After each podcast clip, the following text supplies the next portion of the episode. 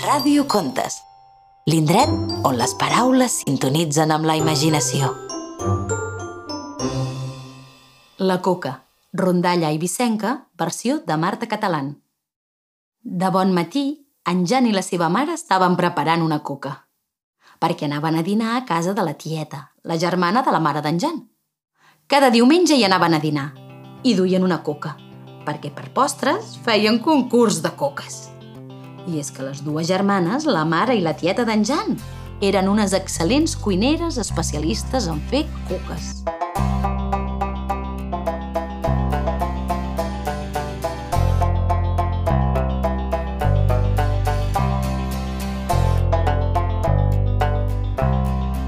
Aquell dia, en Jan creia que la seva mare havia fet la coca més saborosa, més bona, més exquisida de la seva història. I és que ell l'havia ajudat i sabia del que estava farcida. Hi havien posat ous, farina, llevat, llet de cibada, un iogurt, una miqueta de mel, canyella, plàtan i el toc final, uns encenalls de xocolata que li donarien aquell gustet sorpresa que la convertiria en la coca més extraordinàriament bona de la seva història com a pastissers. Mentre la coca es cuia al forn, en Jan estava trastejant per casa i anaven sumant la floira que sortia de la cuina. Mmm, l'ensumava amb un delit. Quan el forn va fer el xiulet, pip! En Jan estava al lavabo fent un pipí i d'un bot es va pujar la cremallera dels pantalons, va tirar la cadena del vàter, es va rentar les mans i es va plantar davant del forn. Mare, la coca ja està a punt! Podem marxar a casa de la tieta? Però la mare encara estava posant una rentadora, aprofitant per endreçar-se a l'armari i triant mitjons desaparellats. Ai, Jan, voldria dutxar-me abans d'anar a ca la tieta. Mira, fem una cosa, va dir-li la mare. Et poso la coca en un cistellet i tu ves fent via, que jo de seguida vindré.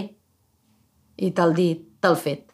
En Jan va sortir de casa cofoi i orgullós amb la coca al cistell. Mmm, anava desprenent unes aromes. Casa de la tieta no estava pas gaire lluny. Havia de creuar el parc, enfilar la pujada de l'escola i tombar el primer carrer a mà dreta. Però ja us dic jo, que el camí se li va fer etern eterníssim. I és que amb aquella oloreta de coca recent feta... Ai, en Jan es delia per tastar-la i, i, i va pensar que si n'agafava una miqueta així, un bocinet del mig, ni tan sols es notaria. I nyec, nyam, un trosset va endrapar. Mmm, que bona que estava. Li havia tocat un trosset de xocolata que se li estava fonent a la boca.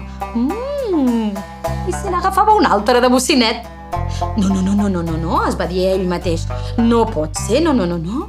La mare m'ha fet confiança i he de dur la coca a casa de la tieta. Ja està, xiularé. Si xiulo, tindré la boca ocupada i no podré menjar, va pensar.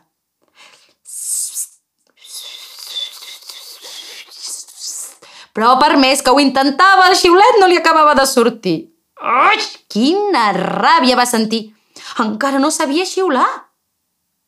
Mm, menjaré una altra bocineta, es va dir. Així del mig, que quasi no es noti. I nyec-nyam, un altre tros de coca es va menjar. Ui, em sembla que no puc parar, rumiava. Ja està, ja està, ja està, explicaré un acudit, així em distrauré i no pensaré en la coca. Mm, diu que hi havia un nen que es menjava una cuca, una caca o una coca. Oix, no puc deixar de pensar-hi. I nyec i nyam, un altre trosset es van passar. I així, pessic amunt, pessic avall, va anar fent via. Ja havia creuat el parc i enfilava el camí de l'escola. Feia una pujada tan forta que en Jan va pensar que seria convenient menjar-se un altre bocinet per agafar forces. I nyec i nyam, un altre trossot que la panxa va. Just tombava la cantonada del carrer de casa de la tieta que va posar-se l'últim bocí nyec i nyam a la boqueta. Quan va arribar a casa de la seva tieta, va anar directe a la cuina. Aquí teniu la coca! A veure, tieta, com t'ha sortit la teva? va dir tot decidit. En aquestes que la seva tieta va obrir el cistell. I què va veure? Una coca tota pessigada, engronada i mig foradada. Jan, què és això? Què ha passat amb la coca? li va dir la tieta. En Jan va mirar el cistell i es va donar del desastre. Ai, no sabia on posar-se. La vergonya el va començar a envair. Primer li va pujar un escalfor per les galtes. Després una suor freda li va caure pel cerrell i la cara se li va tornar vermella, groga, fins que de cop va tenir una idea genial. Va empassar saliva i va dir tot decidit. Tieta, és una coca de forats, única i irrepetible, una obra d'art. Dit això, va arrencar a córrer cap al jardí a jugar amb els seus cosins. Uf, va pensar que se n'havia sortit prou bé.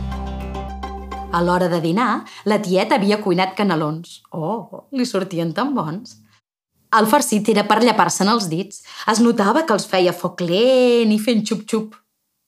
En Jan va ser el primer en seure a taula i quan la tieta va posar-li el plat de canelons al davant, els va punxar sense esperar-se ni un segon a que refredessin.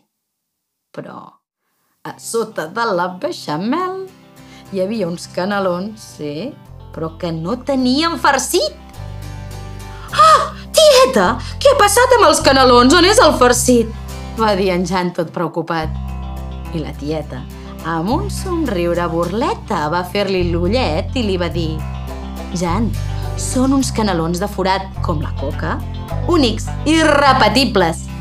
I en Jan va baixar el cap i se'ls va menjar sense dir res. Tal faràs, tal trobaràs.